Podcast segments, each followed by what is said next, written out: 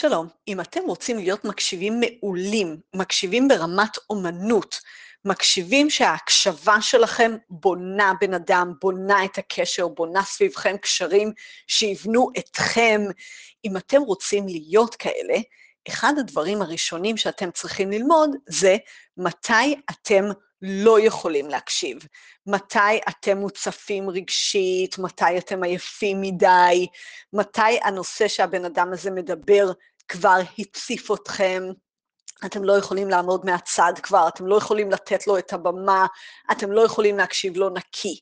אתם צריכים ללמוד לזהות את הרגע הזה, ושם לתקשר ולהגיד, אני ממש מצטערת, אני לא יכולה להקשיב לך כרגע. אולי לא בכלל, ואולי לא על הנושא הזה. אני ממש מצטערת, אבל אני צריכה הפסקה. אם הדופק שלכם עולה, אם הסטרס בגוף שלכם עולה, אם אתם מתחילים להרגיש התנגדות וקיר, סימן שפספסתם. הייתם צריכים לזהות את זה קצת קודם, אבל לפחות תגידו עכשיו, אני מצטער, אני לא יכול. זה א' ב' של הקשבה מעולה. ואז, גם אם מישהו נפגע באותו רגע, אתם חוזרים אחר כך או מחר ואומרים, עכשיו אני יכולה להקשיב עד הסוף, עכשיו אני איתך, מה רצית להגיד לי?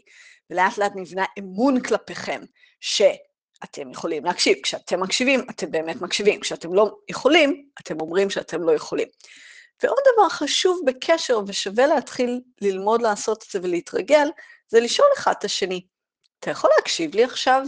יש לי משהו כואב, אולי קשור אלינו, אולי רק קשור אליי, או, או שמח, או משהו שאיכשהו יכול להציף, או בכלל, אני פשוט צריך הקשבה עכשיו. אתה יכול להקשיב לי?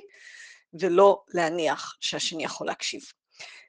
בואו נהפוך את ההקשבה שלנו לדבר מיוחד, לדבר שאנחנו חוגגים, נהנים ממנו, עושים אותו הרבה, אבל לא בצורה אוטומטית, ולא כשאנחנו לא יכולים.